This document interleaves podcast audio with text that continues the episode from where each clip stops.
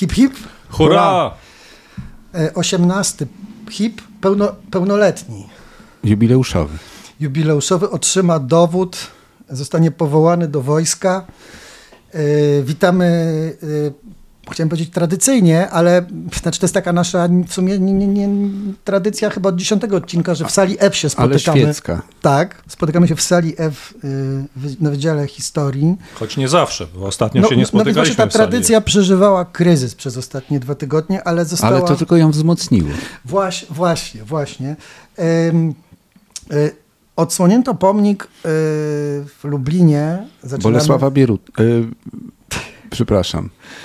Lech, Lecha Kaczyńskiego y, i mm, nie będziemy o tym, o urodzie tego pomnika jakoś y, Dyskutować. dyskutować, natomiast chcemy się podzielić pewnym spostrzeżeniem, którego, które poczynił Błażej. No, to jest spostrzeżenie, to jest właściwie wspomnienie lub też e, element nostalgii. Otóż proszę wrzucić sobie w Google dwa zdjęcia. Pierwsze to jest pomnik Lecha Kaczyńskiego w Lublinie, a drugie pomnik Bolesława Bieruta w Lublinie i zastanowić się, kto się tu kim inspirował. E, Dodam dla porządku, że pomnik Bolesława Bieruta został odsłonięty przez Edwarda Gierka w roku 79, czyli u schyłku jego władzy. On nie wiedział o tym, że to jest schyłek. No, może się jakoś domyślał, przeczuwał, próbował sobie zbudować jakiś punkt odniesienia. Natomiast obecny, no inna osoba odsłoniła, nie Edward Gierek. Też być może schyłkowo. Y, Tego nigdy nie wiemy, no niestety tego nie możemy przewidzieć. I... Chociaż zajmujemy się historią i przyszłością. Tak. I przyszłością. No właśnie, i to jest bardzo interesujące, bo gdybyśmy pomyśleli o tej perspektywie 79 roku i wymyślili, ile jeszcze się musiało, będzie zdarzyć do dziś, żeby się w sumie zdarzyło coś bardzo podobnego, czyli mężczyzna w płaszczu, samotnie stojący na tle ściany. Na tle ściany, tak. A, a, ale y, czy to w ogóle jest y, jakoś, czy to was w ogóle jakoś zastanawia, że Bierut w 79 roku ro, ktoś mu robi pomnik? Czy, czy to nie jest tak, że to jest jakiś, nawet z tamtej perspektywy dziwny pomysł? Nie, to jest bardzo logiczne. Y, Gierek się w swoich rozmaitych enuncjacjach nigdy nie odwoływał do Władysława Gomułki, który był jego poprzednikiem i Aha. który został obalony przez robotników w gruncie rzeczy, przez swoich towarzyszy z biura politycznego, którzy uznali, że to już nie można dłużej tak. No i to była jakaś prawidłowość w krajach komunistycznych, że przywódca nie odwołuje się do swojego poprzednika, tylko raczej szuka czegoś głębiej w historii chwalebnej swojej partii. No i tutaj No tak, to, to się idealnie składało, ponieważ Gierek się rzeczywiście zaczął, zresztą bardzo późno, odwoływać do Bieruta. Natomiast y, Wojciech Jaruzelski jako jego następca, no Gierka posadził w, w obozie internowania, natomiast odwoływał się do Gomułki i był obecny na wielkim, pompatycznym pogrzebie Władysława Gomułki w 1982 roku. No ale i, i tak i nie można by powiedzieć, e, e, odpowiadając na to twoje pytanie, no bo e, tak, to jest również pewien mit założycielski PRL, tak? Bierut jako, jako człowiek, który sprawował władzę na początku, więc... Ale. Gomułka też pierwszy tak zwany. No to prawda, to prawda, jako sekretarz generalny przecież. Ale ja proponuję, żebyśmy o pomnikach porozmawiali sobie za tydzień O szerzej. tak, umówmy się, że porozmawiamy za tydzień o pomnikach. Natomiast jeszcze chciałem tylko powiedzieć, że pomnik y, Wojciecha Jaruzelskiego, przepraszam, Stop klatka, pomnik Bolesława Bieruta został zdemontowany latem 89 roku przez Kieleckie y, Przedsiębiorstwo Budowy Mostów. Co mi się wydaje bardzo symboliczne i nie wiem, czy to przedsiębiorstwo jeszcze istnieje. Jeżeli istnieje, no to mam nadzieję, że jeszcze się przyda. prosimy o telefon, chętnie Tak. bym- No, E, e, czy, czy trafił do Kozłówki? Nie mam, Pomnik- chyba nie. Jest chyba w Muzeum 80 Socrealizmu. No tak, w Kozłówce. Tak. Bierut jest, ale tak. tylko pomnik chyba, tylko Tak, figura. bez ściany chyba. No to mamy też i muzea, gdzie można pomniki składować. Mhm. Chciałem was zapytać przy tej okazji, czy wiecie, jaką ulicę w Lublinie najbardziej lubią hipopotamy? Hipopoteczną? tak. I to jest ta sama ulica, którą lubią, znaczy taka sama w Łodzi, w Kielcach, w Warszawie jest wiele takich ulic. Pozdrawiamy wszystkie ulice hipopoteczne. Hipopotamy pozdrawiają. Tak. E, no to w, chcieliśmy dzisiaj zaproponować e, naszej wspólnocie, hipo-wspólnocie, e, Dla relaksu. dla relaksu taki temat właśnie na odprężenie trochę. Wojna domowa. No ale to jest tytuł fenomenalnego serialu z lat Woj- 60. Właśnie, Tak. wojna na gesty, wojna na słowa. Tam jest chyba e, w tym tekście tej Od piosenki. wielu wieków trwa. Od wielu wieków trwa. To jest oczywiście bardzo żartobliwa jakby koncepcja. Natomiast y, zacznę od takiego prowokacyjnego y, pytania. Dzięki temu, bo, bo, dzięki temu zyskamy ogromną słuchalność dzięki temu pytaniu, bo to jest pytanie prowokacyjne. Czy my jesteśmy na skraju wojny domowej? No i taki jak w serialu, no to każdy jest no zawsze, no tak. ciągle. Ta Wszyscy wojna toczymy swoje wojny. Tak. Wojna domowa wewnątrz swojego serca też walczą w nas różne siły. E, no nie, no ale dobra, no jesteśmy w, w stanie zaognionej polaryzacji. Myślę, że nie. Myślę, że to jest raczej wojna, wojna plemienna, która jest mhm. wcześniejszą formą wojny, zanim jeszcze określono wojnę jako domową, co jest ciekawe, o czym też możemy rozmawiać no to były po prostu wojny trybalne. Jak się mówi, że dzisiaj żyjemy w epoce nowego trybalizmu, no to oczywiście wojny domowe są, wojny plemion, chociażby politycznych, internetowych, sportowych, są częścią życia. No, ja, ja myślę podobnie, e, nawet nie wychodząc E, nie wybiegając aż tak daleko w, w, przeszłość, to powiedziałbym, że my często nie doceniamy e, siły tych konfliktów, które rozgrywały się w przeszłości. No, kiedy, kiedy człowiek czyta na przykład różne relacje z dwudziestolecia międzywojennego w Polsce, to wcale nie ma wrażenia, że konflikt pomiędzy zwolennikami Piłsudskiego a narodową demokracją był łagodniejszy niż dzisiejszy. Te emocje były straszne. No, pamiętajmy też, że te emocje doprowadziły do zabójstwa E, prezydenta Narutowicza. No i do elementu wojny domowej, jaką był zamach stanu w 26 roku. To prawda, ale jednak zamach stanu to nie jest to samo, co wojna domowa. Tutaj e, przypomnę Ci taką historię, którą Ci opowiadałem e, poza, poza podcastem. Mianowicie obaj czytaliśmy tylko różne, różne zeszyty dzienników Wacława Borowego. Ja przeczytałem sobie te międzywojenne i on opisuje, jak obserwował zamach majowy e, ze swojego mieszkania, jeśli dobrze pamiętam, przy Kruczej. E, I, I, właściwie to było strasznie zabawne, bo pierwsza o, o tym, że się coś dzieje na mieście, powiedziała e, służąca Borowych. Została natychmiast zganiona przez panią domu, że która histeryzuje, że histeryzuje i opowiada jakieś po prostu plotki. No i ta służąca poszła przygotowywać obiad, czy, czy co, co tam miała do zrobienia, po czym przed znajomy Borowych i powiedział, że rzeczywiście widział e, kawalerię mm, mm, czy, czy, czy, też e, jakiś oddział e, artylerii konnej, który zmierza w stronę mostu. No i później tak po trochu okazuje się, że rzeczywiście strzelają do siebie na mieście i Borowi oraz ich znajomi spędzają te, tych te trzy dni w, w, swoim mieszkaniu, właściwie bez kontaktu e, z resztą świata, do, dostają jakieś strzępki informacji, ale właściwie ten zamach, e, czy wpływ tego zamachu na to, co, co się z nimi dzieje, ogranicza się do tego, że nie ma sprzedawców mleka na ulicach. E, poza tym właściwie życie toczy się dalej, ludzie z balkonów wymieniają między sobą różne spostrzeżenia. Stróż, który oczywiście sympatyzuje z Piłsudczykami, mówi, że to wszystko zaraz się skończy, bo marszałek zrobi porządek. No i rzeczywiście po, po właściwie dwóch dobach jest już po, e, po zamachu stanu. To nie jest wojna, to nie jest wojna domowa, chociaż oczywiście e, zamach majowy mógł się w tę wojnę domową prze, przerodzić. Ja tylko przepraszam, szybko powiem, że stróż ma rację. E, okazało się, że stróż ma zawsze rację. Przypomina mi się taki krótki, krótki jakiś fragment, czy to tekst był Umberto Eco, czy jakiś wywiad, gdzie on powiedział coś takiego, mi się strasznie podobało, że dlaczego ja jestem pytany o wszystko, co się dzieje. Na przykład jestem pytany o to, co ja czuję po tym, jak umarła Marlena Dietrich, albo co ja czuję, że tam y, jakiś znowu pisarz odszedł. Ja nie powiem nic więcej niż stróż. Znaczy to, że ja jestem Umberto Eco, bardzo mi przykro, to samo powie stróż, także lepiej zawsze o wszystko pytać stróża. Taki... No to stara prawda. Stara prawda. Natomiast co do tego, co y, powiedział Piotr, to dwie rzeczy chciałem dodać.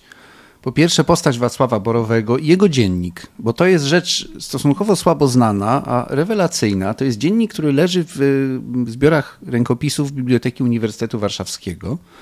Wydano z niego kiedyś y, jakiś malutki kawałek w jednym z pism literackich. Wacław Borowy był polonistą, literaturoznawcą, znawcą no, poezji Mickiewicza, różnych rzeczy, wielu rzeczy, y, wybitny. Literatury angielskiej. Angielskiej, tak. Umarł w 50 roku, w wieku 60 lat u progu stalinizmu. Natomiast jego dziennik, jego zwłaszcza zapiski okupacyjne i jego dziennik powojenny z okresu stalinizmu to jest rewelacja.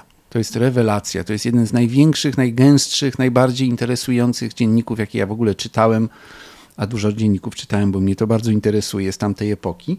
I bardzo by było dobrze, gdyby ktoś się wokół niego zakręcił i go wydał. E, a druga rzecz to Piłsudski, który powiedział po zamachu, że brat jednak stanął naprzeciwko brata i to nie jest powód do świętowania, mimo tego, żeśmy te władze zdobyli, prawda? Bo to brat przeciw bratu. Otóż wojny domowe są też zwane bratobójczymi. I to mi się wydaje bardzo znamienne, że ten element męski oczywiście tu musi dominować, bratobójczy, ale kto jest tym bratem? I dlaczego to jest bratobójcze? Dlaczego moim bratem nie jest no, ktoś inny, kogo zabiłem, a który przypadkowo akurat nie urodził się na mojej ziemi? No właśnie, bo e, być może, żeby kompetentnie odpowiedzieć na to pytanie, powinniśmy się trochę cofnąć w naszym rozumowaniu i zastanowić się, co to w ogóle znaczy, że wojna ma charakter domowy i dlaczego ona wybucha. Bo e, jeśli spojrzymy na, na tę kwestię z trochę szerszej perspektywy historycznej, na przykład uwzględniając wojny religijne, które rozrywały e, no, Europę, zwłaszcza nowożytną, to można się zastanawiać, czy powiedzmy dla francuskich katolików hugenota, którego oni wyżynali, tak, czy hugenoci, których oni wyżynali, naprawdę byli braćmi, ponieważ z tego tytułu, że byli Francuzami, czy też e, wcale nie, bo e, bratem dla francuskiego protestanta był raczej protestant niemiecki czy szwedzki.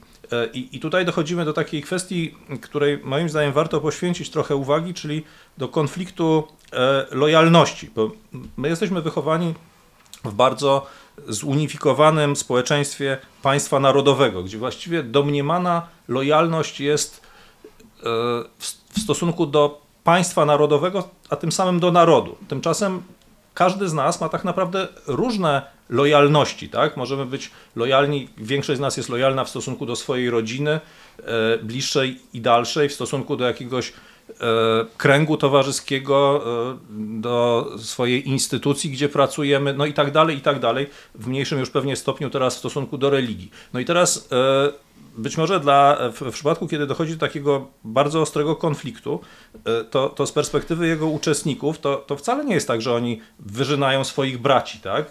Ich braćmi po prostu staje się ktoś inny w tej, w tej sytuacji kryzysowej. I no, jeśli spojrzymy na te takie wielkie wojny domowe, które, które miały miejsce w XIX i XX wieku, no to wydaje mi się, że tak na ogół było, powiedzmy, czy dla, czy dla bolszewików bratem był y, jakiś biały, y, białogwardzista? No z pewnością nie, tak? Czy dla hiszpańskiego, nie wiem, anarchisty był falangista bratem? Też pewnie nie, prawda? Trochę pewnie inaczej jest w Stanach Zjednoczonych w przypadku wojny secesyjnej, bo to jednak tam, tamten podział następuje na, na tle stosunku do niewolnictwa, ale, ale szerzej w stosunku w, w kwestii e, czy, czy na tle stosunku do wolności, czy jak, jak rozumieć wolność, co też jest oczywiście bardzo ważne, ale nie wiem, czy, czy od razu unieważnia e, e, bycie Amerykaninem. No i teraz chciałbym jeszcze powiedzieć jedną rzecz, która mi się wydaje ważna, to znaczy jest coś takiego jak socjologia zdrady w ogóle. E, badacze e, starają się określić, w jaki sposób, e, znaczy co się dzieje, kiedy, kiedy ludzie się zdradzają, zarówno w relacjach osobistych, jak i, jak i w relacjach, można powiedzieć, społecznych. I oni stawiają taką diagnozę, że wtedy dochodzi niejako do, kiedy następuje zdrada, do unieważnienia my. To znaczy rozpada się jakieś my. No, najprościej to wytłumaczyć na przykładzie rodziny. Dochodzi do zdrady małżeńskiej, rozpada się rodzina i nie ma już jakiegoś my. Ale chyba podobnie jest w przypadku wojen domowych. To znaczy, jeżeli ta wojna mm, mm, zwłaszcza angażuje równe sobie siły, no to kończy się jakieś my i zaczynają się jakieś my odrębne, prawda? To, to, to znaczy jakieś my, yy, Stany Południa, my Stany Północy i każda z tych każde z tych my uważa, że to ono ma rację i że to ono reprezentuje my. E, to właściwe amerykańskie my w tym przypadku. Tak, no tyle, że oczywiście konflikty w rodzinie są zarazem rzeczą oczywistą i tutaj y, brat naprzeciwko brata, no to przecież to jest historia Europy.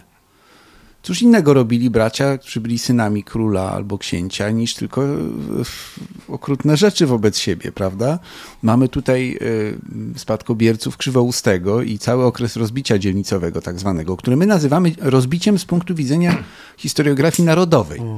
A to był po prostu proces feudalnego różnicowania się władztw, prawda? W toku którego, no i to wielokrotnie opisane przez historyków polskich, ci bracia się wyganiają, oślepiają, y, przetrzymują w ciemnicach, zmuszają do podpisywania jakichś zgód i papierów, y, stowarzyszają się z ościennymi innymi władcami mówiącymi w innym języku, żeby tego brata pognębić. Korzystają ze zdrady jako mechanizmu działania i napadają na siebie nawzajem i tak dalej. No to jest, y, to jest przecież klasyczne bratobójstwo i to w, w najbardziej ścisłym sensie, bo to naprawdę byli bracia. Wszyscy mieli wielkie brody, y, wszyscy byli bardzo zapalczywi, wszyscy wpadali w gniew, rzucali kielichami, decydowali się na nagłą wyprawę, żeby właśnie kogoś y, obcinali języki, inne części ciała. No to, to z tego wynika wszystko. Później dopiero właśnie narodzenie się stopniowe absolutyzmu w okresie nowożytnym buduje taką władzę, która jest monolityczna.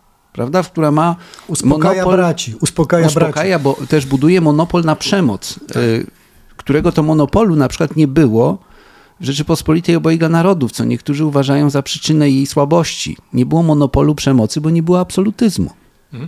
No ale z drugiej strony chyba żaden z naszych kolegów, badaczy y, średniowiecza polskiego, czy też, czy też w ogóle wczesnego średniowiecza nie powie, że wojny feudalne były wojnami domowymi. A no więc właśnie.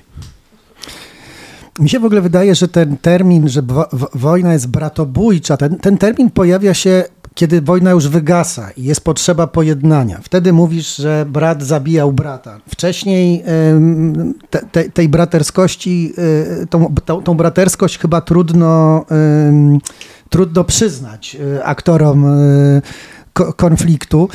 Ale w zasadzie co różni, jeszcze wracając do tego, co tu Piotrek próbował jakby tak teoretycznie naszkicować, co w zasadzie różni tą wojnę, dom- czy to dopiero jakby ocena z perspektywy epoki późniejszej pozwala nazwać konflikt wojną domową? Em, czy, czy, czy, czy co ją wyróżnia spośród właśnie, nie wiem, co ją odróżnia od zamachu stanu? To, że po prostu zamach stanu, zamach stanu się szybko skończył i nie doszło do wojny domowej? E, Czy wojna domowa się może tlić przez lata? Ja- Jak, jak myślicie? Czy tu w ogóle, czy w ogóle musimy taki, takie rozróżnienia czynić? No bo można powiedzieć, że po, po, po, zamachu majowym tli się jakiś konflikt, ale nie jest wojną. Nie ma, muszą być działania zbrojne, rozumiem, tak? Żebyśmy nazwali konflikt No, no chyba, wojną muszą domową. chyba muszą powstać jakieś dwa ośrodki, które y, aspirują do tego, żeby przejąć władzę w y, państwie. No to jest chyba taki naj, y, najbardziej oczywisty punkt odniesienia. To znaczy w tym sensie pewnie dla, w tym sensie pewnie wojny feudalne nie są wojnami domowymi, no bo każde z tych władztw reprezentuje odrębny organizm, tak? Jak, jak nie wiem, któryś z potomków Krzywoustego e, zasadza się na drugiego potomka, no to każdy z nich e, walczy w imieniu swojego księstewka, które odziedziczył po, po ojcu. Natomiast e, kiedy dochodzi do konfliktu w obrębie jednego organizmu i jakaś jedna frakcja próbuje przejąć ten, ten organizm, prawda, i podporządkować swojej wizji, no to chyba wtedy mamy do czynienia z e, konfliktem o charakterze wojny domowej, przy czym e, pewnie te wojny mogą być dłuższe lub krótsze. Nie, wiem, czy istnieje tutaj jakaś granica, e, od której moglibyśmy mówić, że to już nie jest zamach stanu, a już jest wojna domowa. W zamachu stanu w 26 roku zginęło około 400 osób, jeśli dobrze, jeśli dobrze pamiętam. I wydaje mi się, że jednak, e, znowu odpowiadając na, na jedno z Twoich pytań, że jednak uczestnicy tych e, wydarzeń w 26 roku mieli absolutnie świadomość tego, że występują przeciwko sobie. Brat przeciw bratu, Bratu, w sensie. brat przeciw bratu. Przywołałeś tę, e, czy, czy Błażej przywołał tę, tę e, odezwę Piłsudskiego wydaną później, który ewidentnie zresztą próbował przecież te nastroje e, pacyfikować, pacyfikować mhm. stonować. E, na początku nie było dużych represji, to, to, to znaczy e, Piłsudski raczej, raczej tych swoich przeciwników z wojska odsuwał powoli i, i, i no, nie, nie, chciał, nie chciał takich triumfalistycznych nastrojów na samym początku. Z drugiej strony wydaje mi się, z drugiej strony wydaje mi się, że no, no właśnie są te, te, te lojalności, o których mówiłem i w jakimś momencie spór, który się toczy w rodzinie, może się zmienić w, w spór zupełnie przeciwstawnych wrogich sobie obozów. Oczywiście, no to zresztą każdy, każdy wie, kto doświadczył albo, albo czytał o gospodarce chłopskiej i wojnach między braćmi zwłaszcza e, na temat o ziemię o ziemię, o spuściznę po ojcu yy, i tak dalej. No oni, to nie jest wojna domowa w tym sensie, że oni nie chcą być w jednym domu, oni chcą sobie każdy zbudować sobie dom, prawda? Co było w gospodarce chłopskiej, zwłaszcza ubogiej i tradycyjnej, niekiedy prawie niemożliwe. Więc muszą współzamieszkiwać, co jest dla nich upokorzeniem, ponieważ mężczyzna, jak wiadomo, powinien założyć rodzinę i mieszkać we własnym domu i tak dalej. No, natomiast y, to, co różni, to właśnie jest władza ojca. Jeżeli jest ojciec, który pilnuje wszystkich swoich synów i nie dopuszcza do podziału i walk między nimi, no to jest właśnie absolutny władca. On nie będzie swojego królestwa w żaden sposób dzielił i wszyscy, którzy wystąpią przeciwko niemu, zwłaszcza zbrojnie, po prostu są zdrajcami i zasługują na śmierć. W Rzeczypospolitej, gdzie mamy e, króla związanego, pakta konwenta, e, gdzie w zasadzie przecież magnaci mają swoje własne armie, gdzie istnieje przyzwolenie na radykalną niezgodę dotyczącą wewnętrznego ustroju państwa, gdzie istnieje przyzwolenie na mm, nieliczenie się z królem przy prowadzeniu własnych polityk zagranicznych, na przykład przez magnatów, no to tam pojęcie wojny domowej jest zupełnie inne. Paweł Jasienica napisał taką klasyczną rzecz rozważania o wojnie domowej, e, w których opisuje e, bunt w Wandei przeciwko rewolucji francuskiej, prawda? E, czy w toku rewolucji francuskiej, tej rozumianej szeroko. I no on opisuje zaczątki właśnie nowoczesnego narodu, w którym pojawia się nowy podmiot. To znaczy społeczeństwo, no to taki umowny podmiot, jakiś tam taki z grubsza zdefiniowany, które jednak ma swoją własną y, tożsamość i swoją własną wolę i może się wypowiedzieć, opowiedzieć przeciwko władzy, może przeciwko niej wystąpić. I czy to wtedy oczywiście nie jest to wojna domowa, ale to nowe pojęcie y, narodu porządkuje te sprawy i wpisuje jak gdyby problem wojny domowej w sam naród. Mhm. Skoro jesteśmy narodem, no to oczywiście mamy prawo wypędzić złych władców, ukarać złych polityków i tak dalej, powiesić ich, no bo jesteśmy narodem, a oni albo wtedy zgilotynować. Są, albo zgilotynować, oni są wtedy poza nami, prawda? Y, ale wewnątrz narodu nie może istnieć niezgoda, bo my jesteśmy wszyscy braćmi i siostrami. No i to właśnie pojęcie rewolucyjne francuskie, koniec XVIII wieku, zostaje narzucone właściwie całej rzeczywistości Europy i świata i e, to, co pisał Jasienica, no nie mogło być wydane tam na przykład w PRL-u długo i w drugim obiegu się ukazało, ponieważ było zbyt wyrazistą metaforą, metaforą tak. właśnie tego, że w PRL-u też mamy naród i mamy władzę, tak. prawda? Ale mi się wydaje, jeśli tylko mogę wtrącić coś a propos Wandei, bo też pomyślałem sobie, że to jest e, w pewnym sensie jakiś model, jeden z takich typów idealnych że tak powiem, tej zjawiska wojny domowej, bo to jest też opowieść o tym, że wojna domowa jest wtedy, kiedy peryferie nie, nie pozwalają sobie narzucić przez centrum pewnej narracji. I myślę sobie, że wiele tych konfliktów średniowiecznych, które tu żeśmy tak, za, za, o, o, których żeśmy wspomnieli, no ale ponieważ nie jesteśmy y, jakimiś tutaj wielkimi ekspertami od średniowiecza, to, to, to, to delikatnie wyjeżdżamy na ten średniowieczny lud, więc ja też delikatnie wyjeżdżam, żeby tylko y, przypomnieć taką y, sprawę jak no, historia Norwegii średniowiecznej, gdzie no po prostu król, który jednoczy, z perspektywy króla, który próbuje jednoczyć te rozmaite władztwa e, wikińskie, no to oni są, no to to jest wojna, wojna domowa, no bo to jest wojna przeciwko wojna przeciwko temu królowi, który próbuje ich połknąć, tak? Natomiast z ich perspektywy to nie jest żadna wojna domowa, no oni po prostu bronią jakiegoś status quo, bronią swojego stylu życia, swoich przywilejów.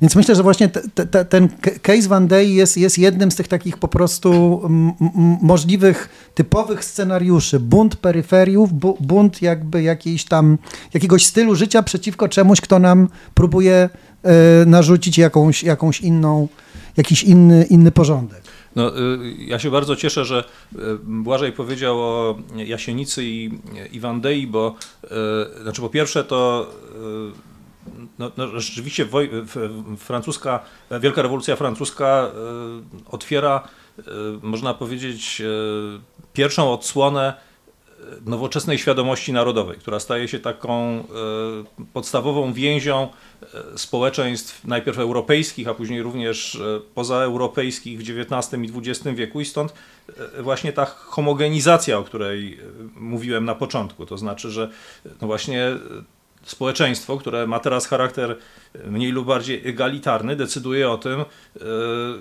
kto jest zdrajcą, a kto nie jest, tak? No i my, my tego doświadczamy właściwie E, na co dzień, na szczęście bez jakichś dramatycznych konsekwencji, chociaż jak, jak wiemy, e, Paweł Adamowicz zginął dlatego, że był przez człowieka, e, no nie wiem, owładniętego jakąś, jakąś nienawiścią tak, do przeciwników politycznych uznany za wroga i został, został zamordowany. Ale to, to, to, ta nowoczesna świadomość narodowa wyzwala właśnie w ludziach w, prostych ludziach emocje, których e, ich przodkowie nie znali. No, trudno e, przyjąć, że powiedzmy chłopi w średniowieczu, czy nawet w epoce nowożytnej e, szczególnie się przejmowali tym, nie wiem, co, co robi marszałek Lubomirski, tak? czy, czy któryś inny z magnatów. No, w ich życiu to, to niewiele znaczyło, tak? no, mógł im podnieść pańszczyznę albo ją zmniejszyć. Ale inna, równie ważna rzecz,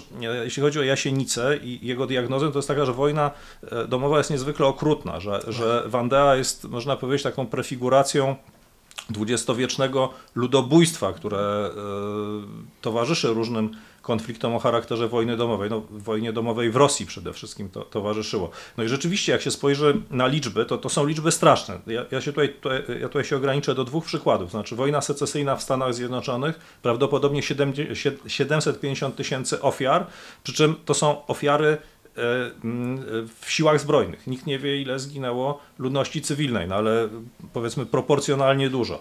Wojna domowa w Hiszpanii, prawdopodobnie 500 tysięcy ofiar, w tym 200 tysięcy ofiar e, różnego rodzaju zbrodni wojennych, e, egzekucji, e, rozstrzeliwania jeńców, rozstrzeliwania cywilów.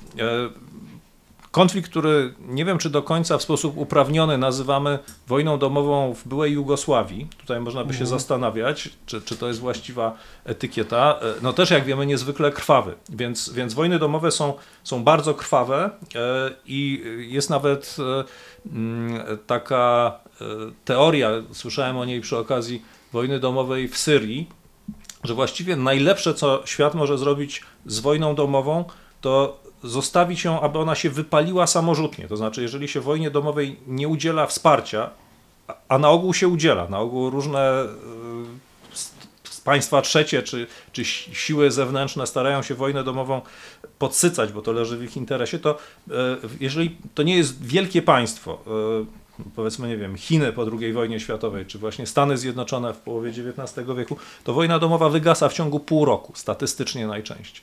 Tak, to jest bardzo ważne. Ta krwawość moim zdaniem wynika z y, terytorialnego charakteru w dużej mierze sąsiedztwa, które y, związane jest z wydarzeniami wojennymi, bo nieuchronnie nakręca spiralę zemsty. No właśnie. Mhm.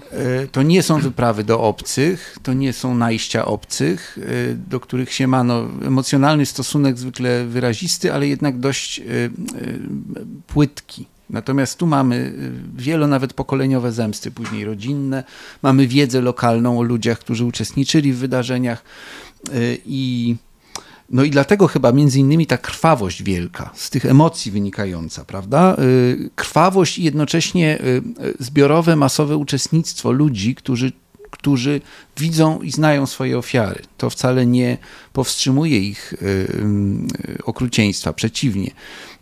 Mam też wrażenie, że elementy wojny domowej są w bardzo wielu różnych sytuacjach i konfliktach, i można by powiedzieć na przykład, że elementy wojny domowej były w okresie powstań naszych narodowych powstanie listopadowe przecież zaczyna się nawet od zabicia. Jako wojna domowa w tak, pewnym sensie. Zabicia tak. tych wojskowych, którzy mhm. są przeciwko buntowi, czy przeciwko powstaniu, którym potem notabene pomnik zostanie wystawiony, ale to następnym razem. O tym będziemy mówić, no ale jest wieszanie. Jest wieszanie, jest ćwiartowanie, jest roz, y, właściwie lincz na uwięzionych na zamku w Warszawie, oskarżonych o zdradę stanu ludziach, których tłum wywlekł stamtąd po prostu w danym momencie i rozszarpał, rozsiekał. Jednego powiesił na latarni na placu zamkowym e, po to, aby dojść ludowej sprawiedliwości. To jest wielkie napięcie, które się wiąże z pewnymi działaniami zbiorowymi. To jest bardzo niebezpieczne w różnych konfliktach, ponieważ zmęczenie wojną, e, wojną klasyczną powiedziałbym, może powodować elementy wojny domowej. To znaczy opór przeciwko tej wojnie, e, chęć jej powstrzymania, spirala represji się z tym wiążąca, prawda? Teraz oglądamy no, ten straszliwy konflikt na, między Rosją a Ukrainą. No co Putin musiał zrobić? Żeby tę wojnę prowadzić, straszliwie wzmocnić jeszcze wszystkie swoje struktury siłowe wewnątrz kraju, bo zaczął się obawiać zamachu stanu prawdopodobnie. To, co powiedziałeś o powstaniu listopadowym, odnosi się też e, do styczniowego. Przypominam sobie, e, kiedy pracowałem jeszcze w Mówią Wieki, prowadziliśmy, e, Maćku, rozmowę z Twoim ojcem, mhm. Tomaszem Łubieńskim, i on cytował takie wspomnienia jednego z przywódców, znaczy przywódcy jednego z grup powstańczych, wydaje mi się, że się nazywał Oksiński może, może w tej chwili mylę to nazwisko, który opowiadał, jak, który opisywał, jakiś taki spokojny później człowiek pracujący jako urzędnik w Galicji, jak powiesili jakiegoś szlachcica e, na takich rogach, które były przyczepione do, do jego dworku, bo nie chciał udzielić pomocy temu oddziałowi. No, oczywiście to wieszał Polak Polaka w imię wyższych racji, e, jakimi było prowadzenie konflikt, prowadzenie e, powstania, prowadzenie wojny z, z Rosjanami. Więc to były straszne emocje. Aczkolwiek chyba nie nazwałbym obu powstań wojnami domowymi. Zresztą te, ten sam dylemat, czy można mówić o wojnie domowej, czy nie, towarzyszy e, e, okresowi bezpośrednio powojennemu. po znaczy, II wojnie po światowej. II wojnie mhm. światowej. I jeśli, jeśli e, sobie dobrze przypominam, to nawet były o to spory w polskim Sejmie, czy można, czy można nazwać e, ówczesny e, konflikt wojną domową. Przeciwnicy tej tezy, głównie, jak mi się wydaje, y, proweniencji prawicowej, twierdzą, że no to jest absolutne zakłamywanie historii, dlatego że był to głównie konflikt pomiędzy Związkiem Radzieckim i patronującymi mu y, i podlegającymi mu komunistami, przepraszam, a resztą społeczeństwa. Ale jak wiemy, jeżeli się dobrze przyjrzeć temu konfliktowi, to, to wcale nie jest tak, że cała, całe społeczeństwo popierało władze londyńskie i podziemie niepodległościowe. Te podziały były bardzo głębokie, ludzie byli bardzo zmęczeni II wojną światową, y, nie chcieli już kolejnego konfliktu. Komunistom się to udało oczywiście bardzo zręcznie y, wykorzystać, ale mm, ja mam wrażenie, że coś jest na rzeczy, kiedy mówimy o nie wiem, w każdym razie elementach wojny domowej. Oczywiście, tak. to Krystyna Kersten była historyczką 40 parę lat temu, która pisała o tych wydarzeniach w kategoriach wojny domowej. Ona z kolei y, analizowała jak gdyby pod prąd tej historiografii oficjalnej PRL-u. Więc tu mamy wiele punktów widzenia na to samo, no ale z punktu widzenia, jak sądzę, człowieka, którego oczywiście nie ma, tak zwanego przeciętnego szarego człowieka, który był gdzieś tam e, rzucony przez los e, w ówczesnej Polsce, na wsi czy w miasteczku, no to elementy wojny domowej były aż nadto oczywiste. Mhm. No bo są oddziały, które ze sobą walczą. Są oddziały mówiące po polsku i właściwie należące do tej samej kultury i często z sąsiadujących ze sobą miejscowości, które ze sobą walczą, które dokonują napadów, które dokonują elementy, były też przecież e, wówczas terroryzmu Zabijano aktywistów, działaczy PZPR-u, zabijano y, ludzi, których uważano za kolaborantów i robiono to, y, no to zresztą jest klasyczna powieść Andrzejewskiego, o której tak. też możemy dyskutować, Popiół i Diament, to jest o tamtych czasach. Więc elementy wojny domowej są bardzo częste, tylko Problem polega na zdefiniowaniu danego zjawiska. Tu się zaczyna spór często. Ja, ja mam e, ta, z kolei takie jeszcze skojarzenie a propos 45 roku w Polsce. E, bliski mi kraj emocjonalnie e, Kolumbia, która boryka się. No i właśnie tu jest ta dyskusja. Czy to jest zbrojny konflikt, czy wojna domowa? I teraz w zależności od, polityk, od politycznej. Od politycznych poglądów osoby próbującej diagnozować sytuację jest inaczej. No i, i na przykład mm, partyzantki komunistyczne, które, które do niedawna, y, że tak powiem, y, kontestowały, kontestowały władzę w Bogocie, no, oni twierdzili, że to jest wojna domowa, no bo tak, ma, są stanowią jakąś mają reprezentację polityczną, polityczną ideologię, no i twierdzili też oczywiście, że mają szerokie poparcie, no co się okazało nieprawdą. Ale właśnie mówienie, że to jest wojna domowa z perspektywy od razu uruchamia, że tak powiem, pewne procedury sprawiedliwości międzynarodowej, prawda, znaczy, że od razu można się powoływać na, na jakieś,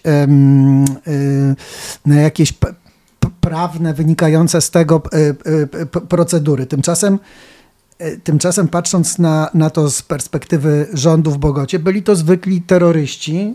E, rebelianci. Rebelianci, buntownicy, e, którzy, których należy po prostu szybko zgnieść. I, i co, tam się zdarzył bardzo ciekawy proces w późniejszym, w ostatnich tam powiedzmy 20 lat temu był taki moment, że z kolei te prawicowe tak zwane szwadrony śmierci weszły, do, do, usiadły do stołu rokowań z rządem i nagle się okazało, że część tych szwadronów to są po prostu przebrani, y, prze, prze, przebrani, y, przebrane mafie narkotykowe, które wręcz kupowały, jak to się śmiano, franczyzy od, od, tej, od tych organizacji e, paramilitarnych, że my jesteśmy frontem wyzwolenia jakiejś tam prowincji, no ale zaraz, zaraz, przecież wy jesteście wszyscy poszukiwani przez amerykańskie, amerykańskie władze ze względu na to, że jesteście zwykłymi gangsterami. E, więc czy, okazuje się, że seks, taka wojna, wojna domowa, jakby definicja sytuacji, że taka, że to jest wojna domowa, daje jakieś zaskakujące korzyści e, rozmaitym aktorom konfliktu. Właśnie zwykły gangster może twierdzić, że jest bojownikiem. I już kończąc, przypomina mi się wspaniały film Sergio Leone e, Za garść dynamitu. Nie wiem, czy pamiętacie ten film. To jest opowieść o takim zwykłym e, bandycie meksykańskim, który napada na, na, napada na dyliżansę i poznaje irlandzkiego rewolucjonistę, który mówi mu, że w Mesa Verde idzie do, w Mesa Verde jest bank, który, który można obrobić. Okazuje się, że w banku, w jego skarbcu trzymani są więźniowie polityczni i ten nieszczęsny, ten nieszczęsny, no gangster wyzwala tych więźniów politycznych i staje się bohaterem rewolucji. Więc to jakby to, to, to, to, to, to, to bardzo przewrotny e, i e, uroczy zarazem film. Mhm. A z tego, co powiedziałeś, wynika, że e, no tak zdroworozsądkowo, to żebyśmy y, mogli mówić o wojnie domowej, a nie o jakiejś rebelii, to muszą być y, wyrównane siły i w jakiś sposób równoważne sobie racje, tak? Kontrola terytorium też jest no, ale, bardzo chyba ważna.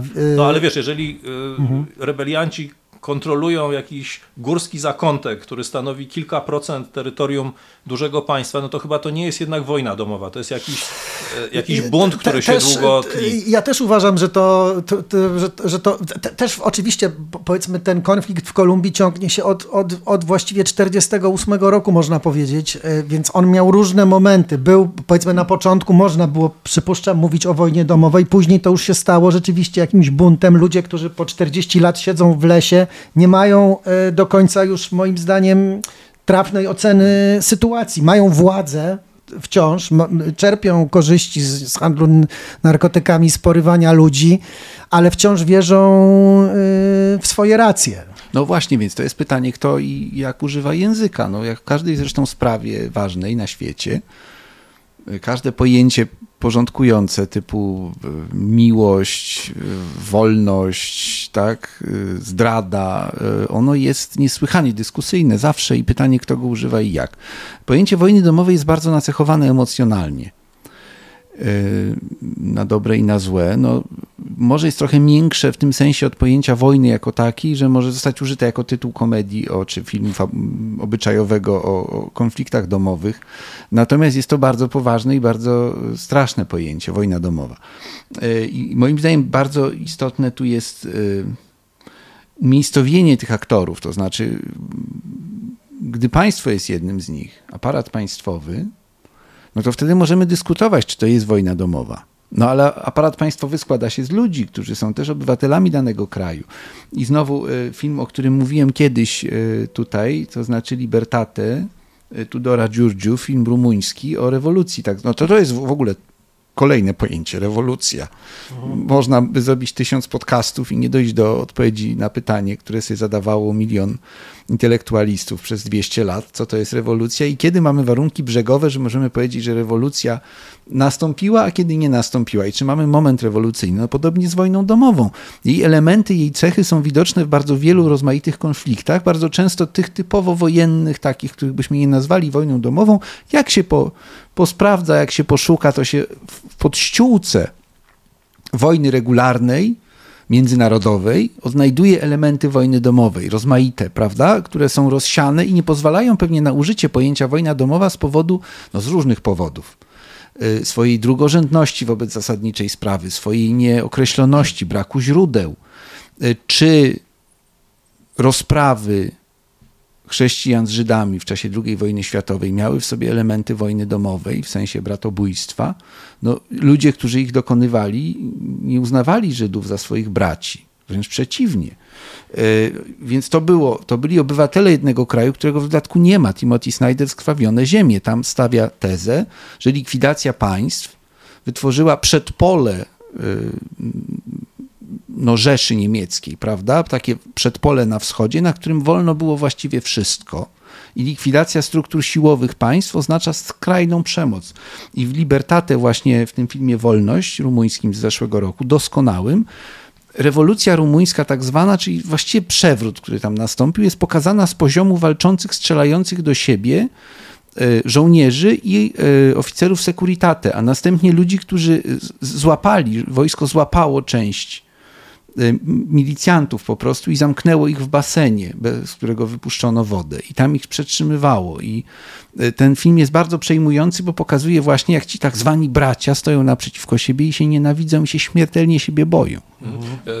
Takim przykładem bratobójczego konfliktu, który rozgrywa się na skrwawionych ziemiach zdefiniowanych przez Snydera. może też być wojna partyzancka na terenach Związku Radzieckiego i tutaj już nawet mm, pominąłbym wątek tego, że walczy tam ze sobą na przykład partyzantka polska, komunistyczna, ukraińska nacjonalistyczna, ale nawet działania partyzantki czerwonej, to znaczy tej, która działa na tak zwanej małej ziemi, czyli poza frontem, one mają charakter wojny domowej i to prowadzonej w sposób ludobójczy. E, partyzanci radzieccy stosowali taką zasadę, że każdy obywatel Związku Radzieckiego, każdy mieszkaniec tych ziem de facto, który e, udziela jakiejkolwiek pomocy okupantowi, jest e, kolaborantem. A więc na przykład chłop, który musiał oddać Niemcom kontyngenty, dlatego że Niemcy wymuszali takie dostawy, albo chłop, który przyjął od Niemców ziemię po zlikwidowanym kołchozie, albo sołtys, który został wyznaczony przez niemieckiego lokalnego urzędnika, są zdrajcami, podlegają eksterminacji na ogół wraz z całymi rodzinami. E, są e, zupełnie jeżące e, włosy na głowach relacje cytowane przez historyków, brzmiące mniej więcej tak, wczoraj załatwiliśmy kolaboranta, a dzisiaj przyszliśmy po jego żonę. Szkoda było tych trójki dzieci, które, które zostały, mhm. ale przecież to są dzieci zdrajcy. W czasie wojny nie ma miejsca na litość. Każdy, kto jest przeciwko nam, musi zginąć. E, no i mhm. to jest taka logika e, bardzo charakterystyczna dla wojny domowej.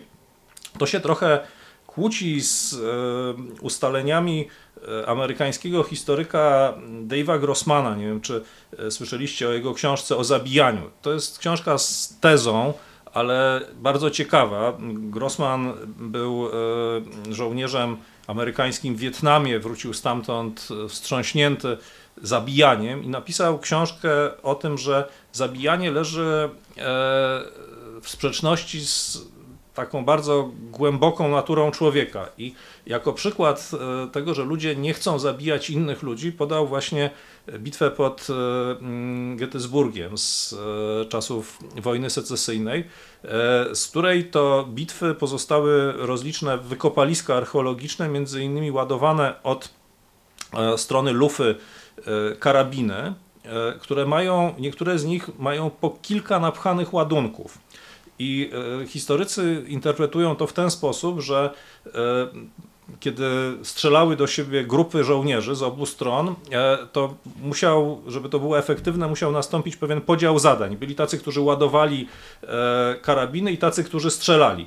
No i ci, którzy strzelali, ewidentnie nie strzelali za każdym razem, kiedy mogli, tylko oddawali e, te karabiny niewystrzelone, ktoś tam wkładał kolejny ładunek i tam w tej lufie się mhm. gromadziło ich 8 czy, e, czy 9. Według Grossmana jest to dowodem na to, że ci ludzie nie chcieli strzelać do swoich e, przeciwników. Uważali, że to jest e, rzeź już zupełnie e, niepotrzebna. W każdym razie znalezisko jest na tyle masowe, że daje do myślenia. No i on daje inne przykłady z, e, również z, z innych epok, kiedy ludzie, no nie wiem, intuicyjnie czy, czy, czy czy świadomie starają się powstrzymywać e, rozlew krwi. To stoi trochę w sprzeczności, czy właściwie bardzo nawet stoi w sprzeczności z takim potocznym doświadczeniem E, e, wojny domowej i tymi liczbami, które podałem wcześniej, no pewnie można to skwitować w ten sposób, że są tacy, którzy chętnie podrzynają gardła swoim sąsiadom i tacy, którzy nie chcą tego robić. Mhm.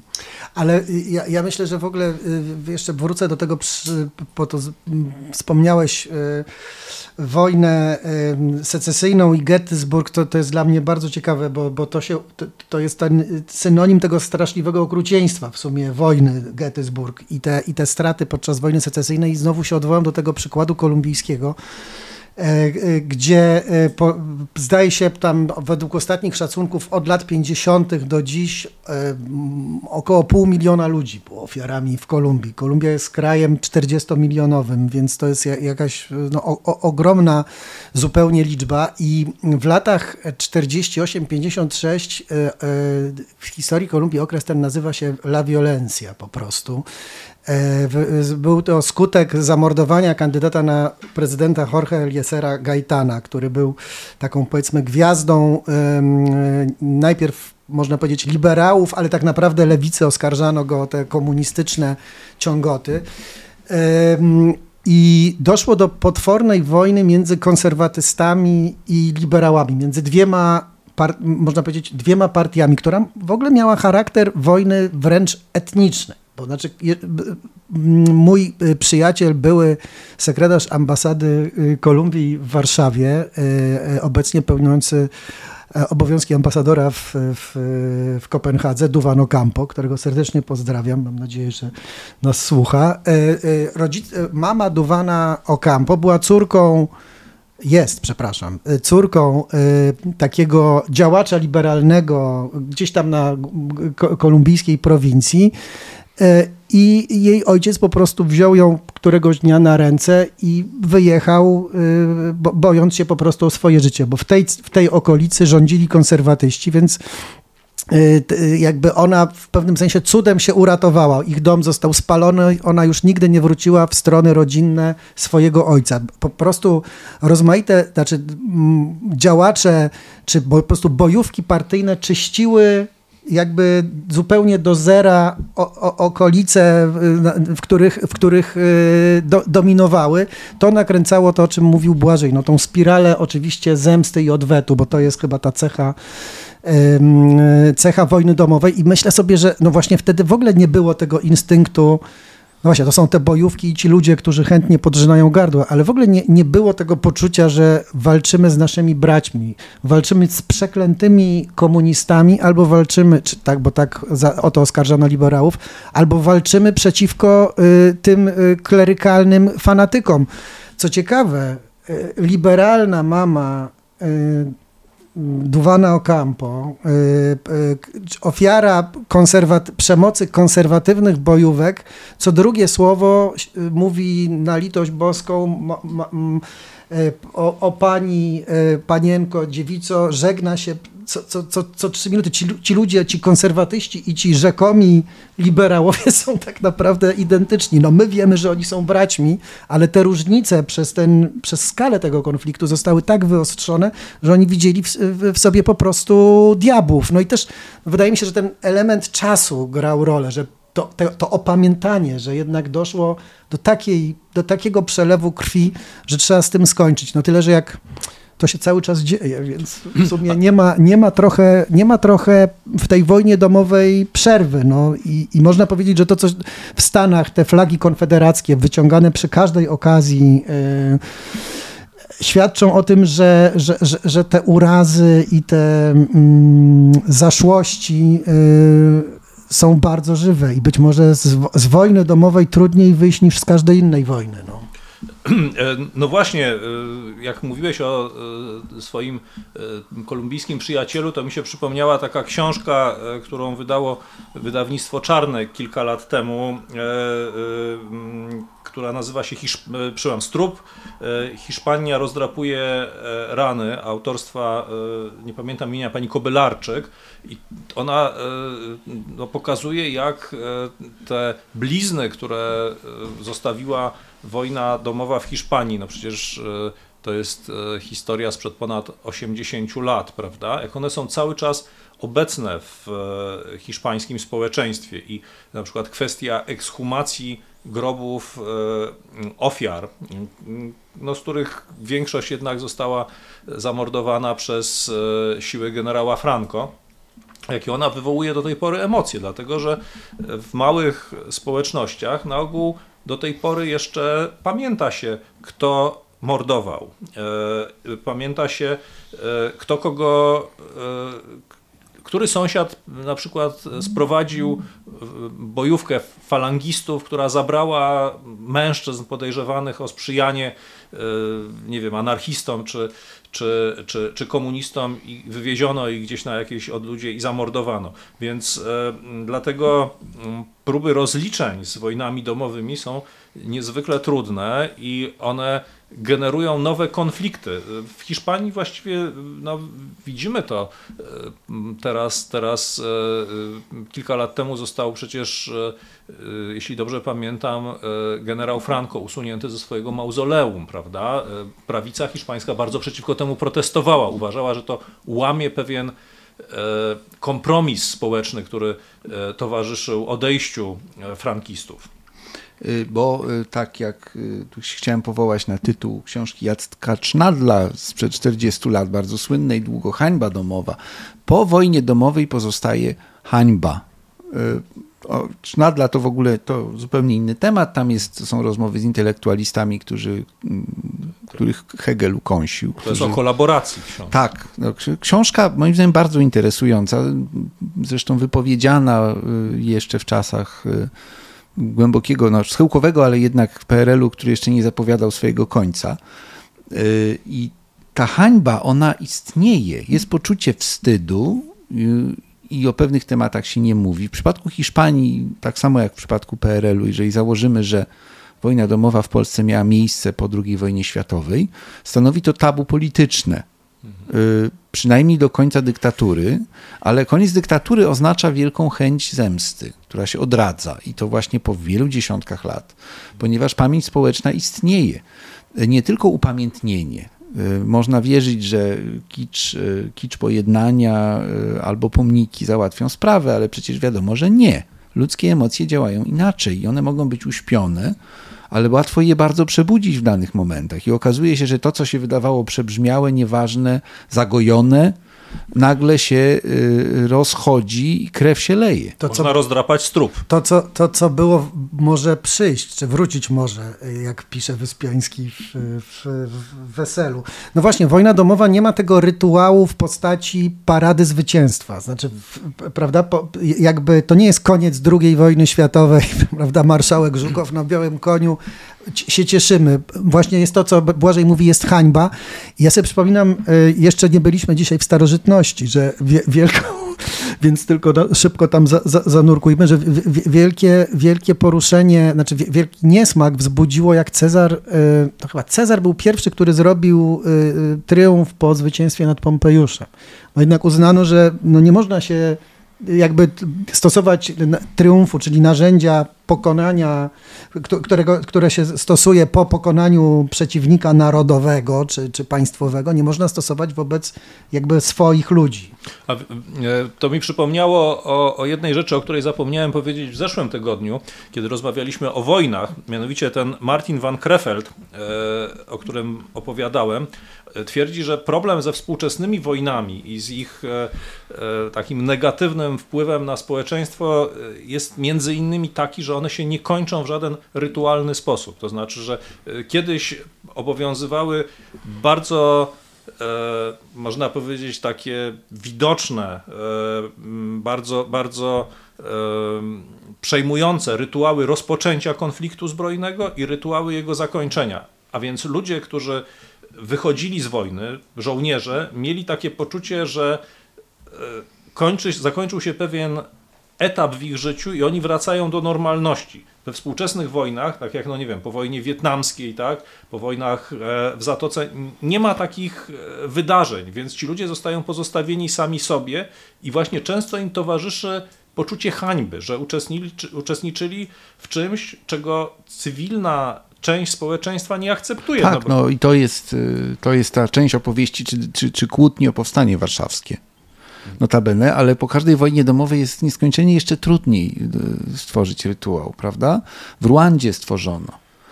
Y, były takie jakby społeczne, społeczna forma terapii, która się wydawała niezwykłym osiągnięciem. Rzeczywiście rozmowy ludzi, którzy naprzeciwko siebie opowiadali o tym, jak mordowali innych, mordowali bliskich tych innych ludzi siedzących, i to był taki sposób na e, no, przezwyciężenie tego w sposób, tera, te, sposób terapeutyczny, powiedziałbym. Natomiast y, przeważnie jest inaczej. I tu ma wielka metafora Hiszpanii frankistowskiej, czyli film Carlosa Saury Nakarmić kruki z tak. 76 roku, który pokazuje hańbę domową. Właśnie hańbę domową tego ojca, który zdradzał, który umarł w objęciach kochanki, tę cór, córeczkę, która myśli, że go zabiła. Matka, która umiera Matka, w cierpieniu. która umiera w cierpieniu, porzucona, samotna, zostawiona przez męża de facto. Dom pełen tajemnic i z tego domu trzeba pójść do szkoły. Taka jest y, jedna z lektur tego filmu, czy odczytań tego filmu, że po każdej wojnie jednak dzieci idą do szkoły. A Hiszpania pozostaje jedna i niepodzielna. No bo to też jest, to tak. też jest teza przecież, e, czy, czy hasło reżimu.